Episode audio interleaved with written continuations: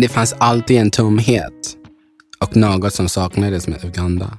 Jag kunde verkligen inte förstå varför hon lämnade mig. Varför kunde hon inte ta med mig? Hur kunde du lämna din enda son? Så var mina frågor till mamma i mina tankar.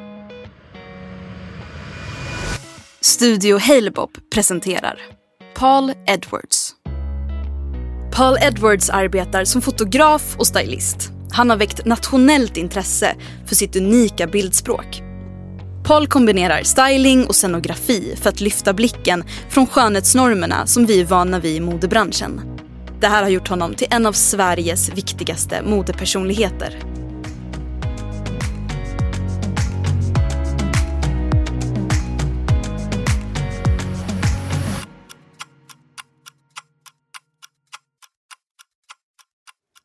Jag vaknar som vanligt av att mamma står i köket och stryker min skoluniform. Solen håller på att gå upp.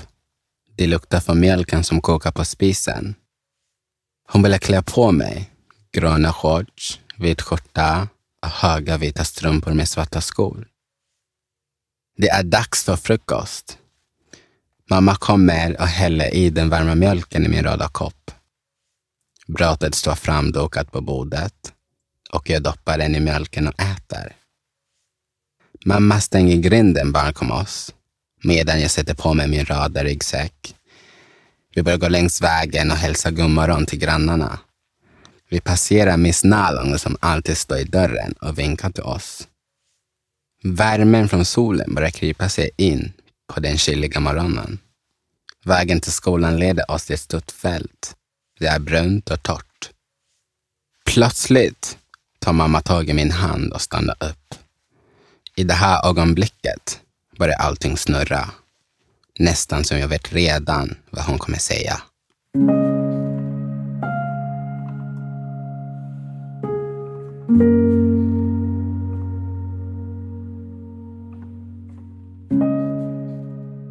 Om man skulle beskriva livet som ett träd, först är det ett frö. Det måste ha starka rötter i jorden. Sen växer det till ett litet träd med små grenar och behöver hjälp att hitta rätt.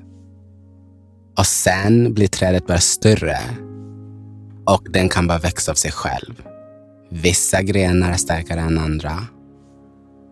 Ibland kanske en bransch går sönder och då gör det kanske inte så mycket. För då har man landat på en annan bransch och då kan du ta dig därifrån.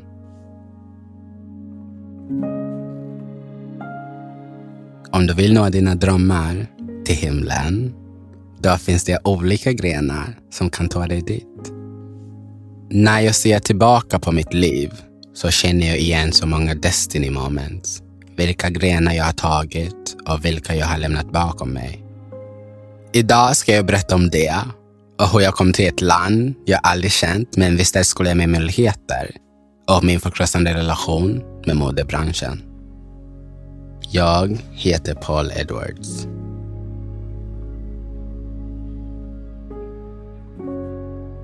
Paul was going to school, but as we were walking on, on our way there, we, we, we reached a place whereby it was a field of football. Det känns som att mamma och jag är de enda på fältet och att vi börjar försvinna i allt damm.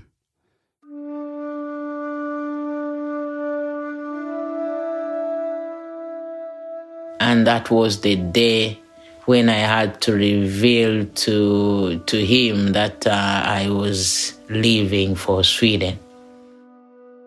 Hennes ögon stirrar direkt ner i mina ögon som börjar glittra av tårarna. I was walking with him beside me. Jag känner en blandning av rädsla, besvikelse och chock. Jag vet exakt vad hon kommer att berätta.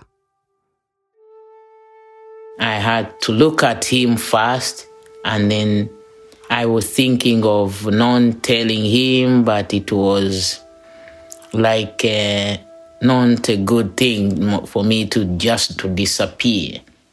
I just looked at him and I told him, you know what?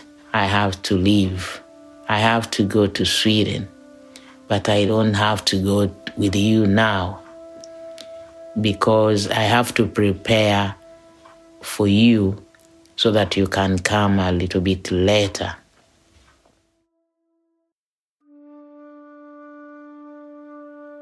Min värld börjar kännas upp och ner, som att den trycker ner mig. Jag tappar andan. Och jag börjar gråta hysteriskt. I looked at him. He started to cry. But me, I remember my eyes were dry, but I was hurt inside. My tears were just inside me, but I wanted to be strong. Jag måste åka till Sverige för att göra det bra för oss. För att göra det bra för mig och dig, säger hon. So when he was crying, I looked at him and then I said, I promise you I'll come and pick you up after when I'm ready for you to have a good life.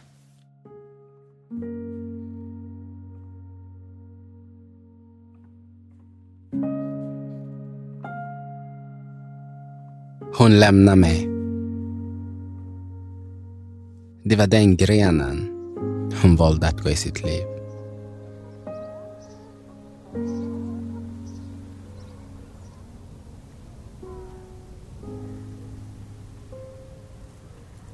Efter den dagen hämtade Aldemino från mig på sin cykel. Jag satt där bak med mina armar runt hans midja. Var vi än cyklade var det alltid någon som kände igen honom. Min morföräldrar bodde i Kampala i Uganda. Mormor hade en liten bondgård med kycklingar och kossor. Hon lärde mig att laga mat. Matake, rice and chicken, kaunga. Varje eftermiddag tittade jag på när min morfar mjölkade kossorna.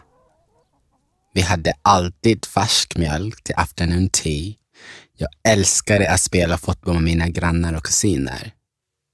Min kusin Julie och jag blev bästa vänner. Vi brukade alltid springa runt i mormors hus och lekte. Jag levde livet. Men det fanns alltid en tomhet och något som saknades med Uganda. Jag hatade henne. Jag kunde verkligen inte förstå varför hon lämnade mig. Varför kunde hon inte ta med mig? Hur kunde du lämna din enda son? Så var mina frågor till mamma i mina tankar. I love you.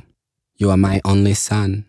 I will run through fire and cold for you, but for now you have to live without me, my woman breasts and my love. Säger mamma i ett telefonsamtal till mig. Tårar glider ner på mina kinder varje gång jag hör hennes röst.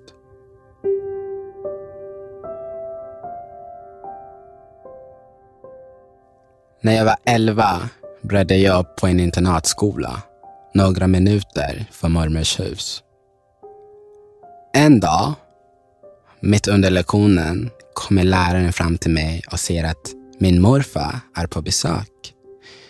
Han väntar som vanligt utanför med sin cykel. Han sträcker fram sin hand för att ta min ryggsäck och lägga den i cykelkorgen. Du ska till Sverige, berättar han. Du ska träffa henne igen.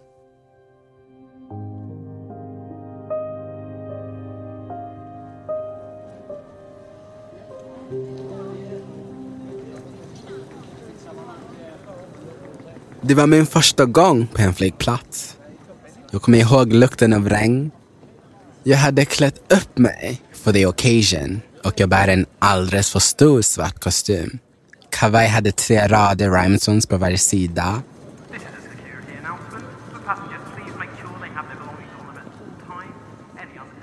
Min mormor och morfar följde med mig till gaten och lämnade över mig till en flygvärdinna.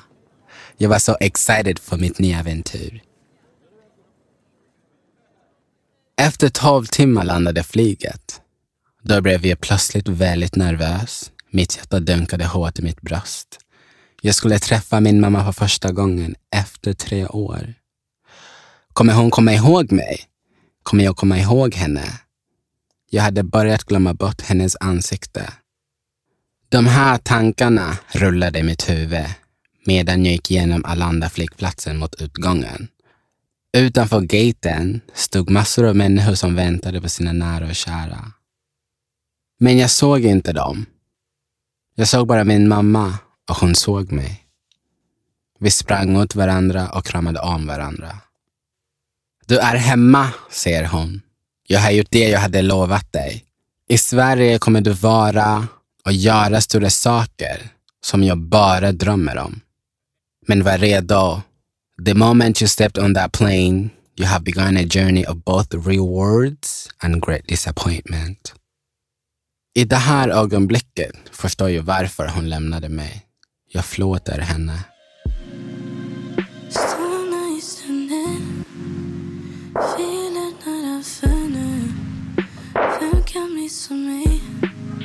När tårna mot ett slut läser du av mig? Men vem kan missa mig? Men jag ser du Men du når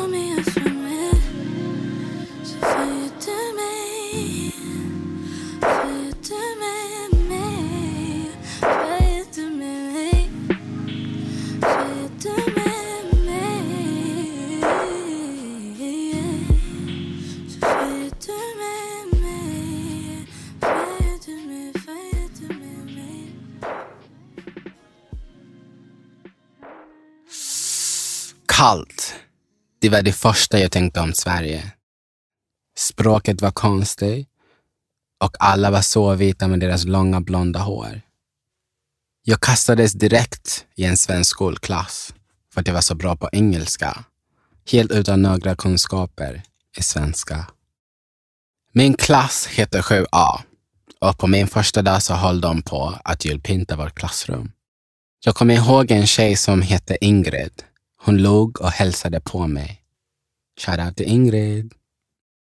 Fasen jag kom överens och var omtyckt av de flesta i klassen så det språket mig lite till en loner. Jag spenderade mycket tid med mig själv och det var då jag började få ett intresse för konst och det kreativa. Jag kunde vara inne en hel dag för mig själv och kolla på gamla filmer eller måla. När det var dags för att börja gymnasiet såg jag det som en chans att reinvent myself och att börja öppna upp mig mer till att lära känna nya människor. Jag ville bli who I was meant to be. Jag började bild och form på Nacka gymnasium och hamnade i en klass blandat med musiker och konstnärer. Ända på väg till bussen från skolan började jag prata med en tjej från klassen.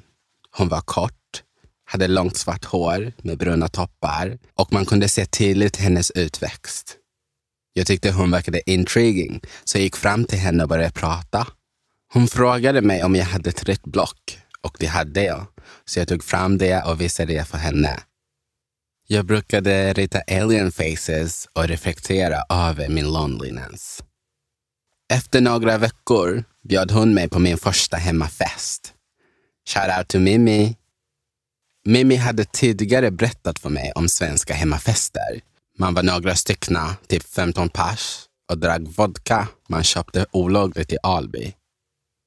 Så för min första hemmafest åkte vi till en lägenhet på Kvarnholmen i Nacka, där Pekki bodde. Shoutout till Pekki! Där tog jag min första shot och sa att jag inte tyckte det smakade någonting. Jag kommer ihåg att alla blev jätteimponerade över att jag inte kände någonting. Då tog jag en till.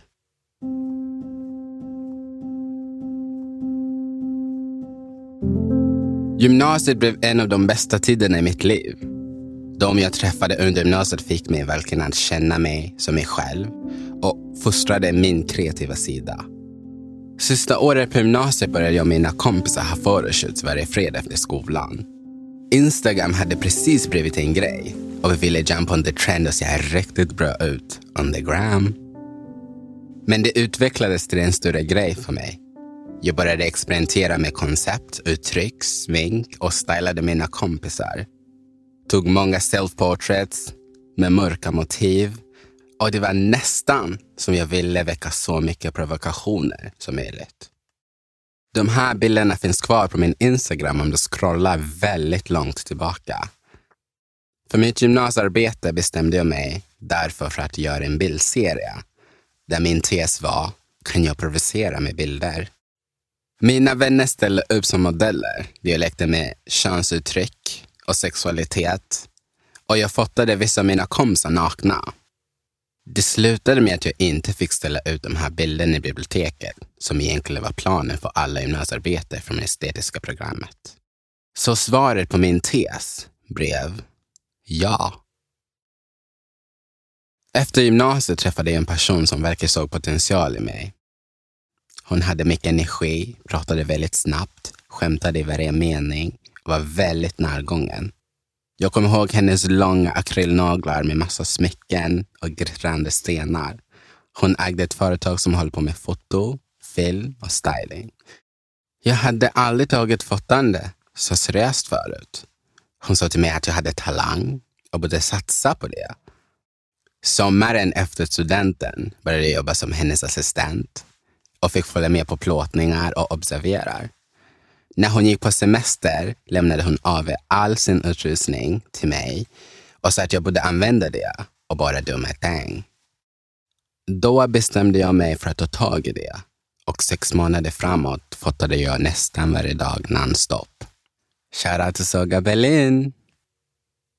Instagram blev mitt sätt att showcase mitt arbete för mina kompisar. Det var de jag fotade mest. Mitt konto började växa och jag började få en publik utanför min kompiskrets.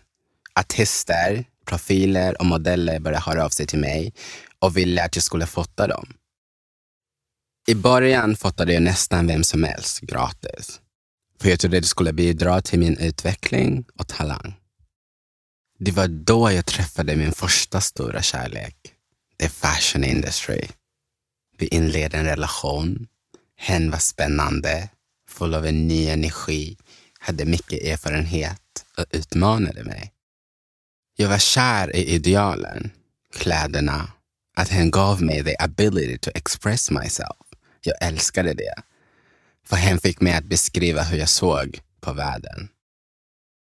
I början trodde jag att vår relation var allt jag ville ha. Att hen skulle hjälpa mig med min karriär. Men så småningom märkte jag att vår relation var toxic och insåg att hen egentligen inte kunde se mig, förstå mig eller berätta min story. Hen missbrukade sin makt och utnyttjade min talang. Det fanns aldrig en ömsesidig respekt och jag förväntades hela tiden att ställa upp utan att få det jag förtjänade tillbaka. Jag lät det fortsätta ett tag, för jag blev lovad möjligheten att skapa och framgång. Hen tog från mig istället för att foster it och samarbeta. Vi är inte redo för en riktig relation.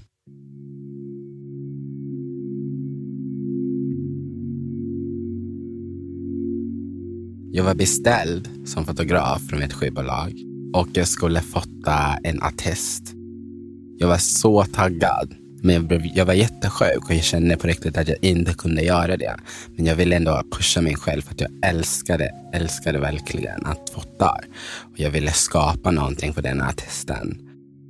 Vi hade inte snackat om budget, så jag körde bara för jag trodde på riktigt att de skulle respektera min talang och ge mig det jag förtjänade. Några dagar efter, när allt arbete var klart och redigering och så, frågade jag hur mycket ska ni betala? Då sa de 3000. Då blev jag besviken. Jag kunde inte förstå att de lägger mitt värde så lågt. Jag kände mig riktigt utnyttjad. Jag insåg att jag hade ansvaret att recognize my own worth om andra skulle göra det.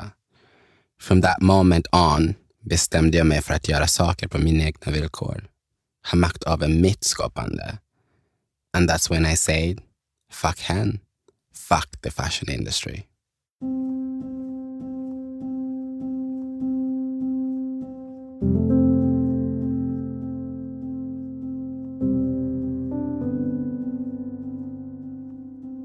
En dag när jag åkte på cykel med min morfar så skulle vi gå förbi en affär. De hade alltid stora röda dörrar och ett stängsel och ett litet fönster emellan kunden och ägaren. Min morfar tittade alltid igenom fönstret och ropade Hallå, är det någon där? Och sen satte sig han ner med ägaren och började prata. De pratade om hur han mådde, vilka barn som sprang runt och vilka problem och ambitioner som ägaren hade. De kunde sitta där i flera timmar och prata. Och jag älskade det. Han var så pratglad. Det här är något jag tagit med mig. Jag älskade att följa med honom på äventyr. Vem ska vi träffa idag? Han var en lokalpolitiker, tillhörde till KMP Division i Kampala. Han ville att alla skulle ha det bra, oavsett om du var rik eller fattig. Han ville att alla skulle bematas med samma energi. Det är så här jag vill behandla människor. Mutual respect.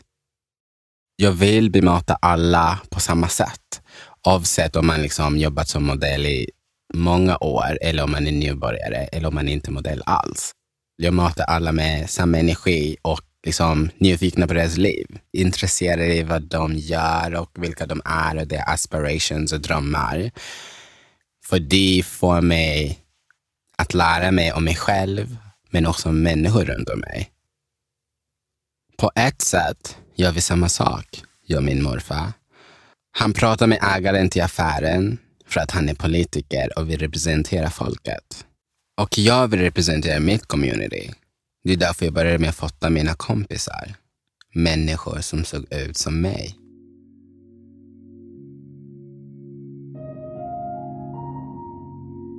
Idag har jag en bättre relation med industrin. Nu känner jag att jag skapar möjligheter för mig själv, de som ser ut som mig och att äntligen gör det jag vill göra. Men såklart finns det fortfarande ghosts from the old relationship that still haunt me och påminner mig om att industri fortfarande har en lång väg att gå. För den jämlika respekten faktiskt ska finnas där. Företag och branschen vill alltid utnyttja våra talang och kultur, men låter ändå oss aldrig riktigt ta del av rummet. Vi blir otrevliga bemötta, microaggressions, alltid underbetalda, alltid på moodboard, but never hired. Och så mycket mer som vi stöter på varje dag och konstant måste oroa oss för. Giftet i relationen kommer alltid finnas där. Därför har jag insett att istället för att vänta och be om att få komma in i deras spaces så måste jag skapa mina egna rum, rum för oss, där vi bjuder in dem på våra villkor.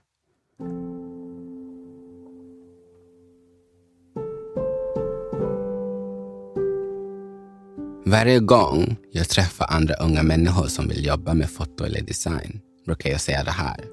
Om du inte kan skapa, det känns som du tappar andan. Det känns som du förlorar en liten del av dig själv.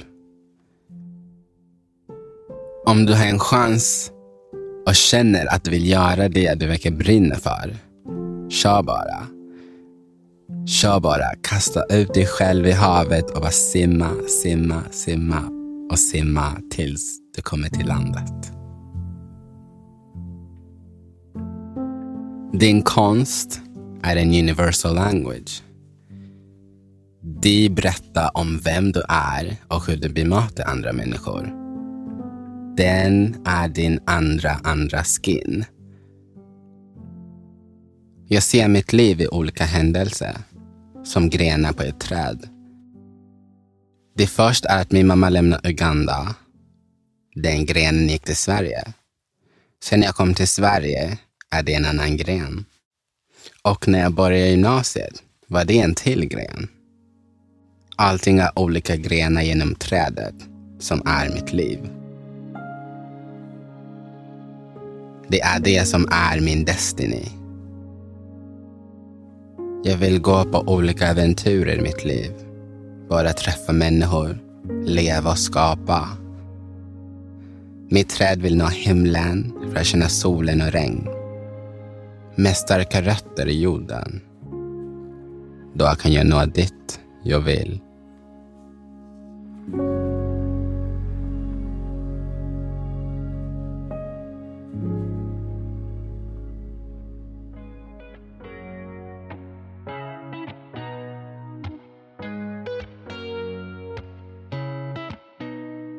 Du har lyssnat på Studio Halebop. En podd som produceras av produktionsbolaget Soundtelling.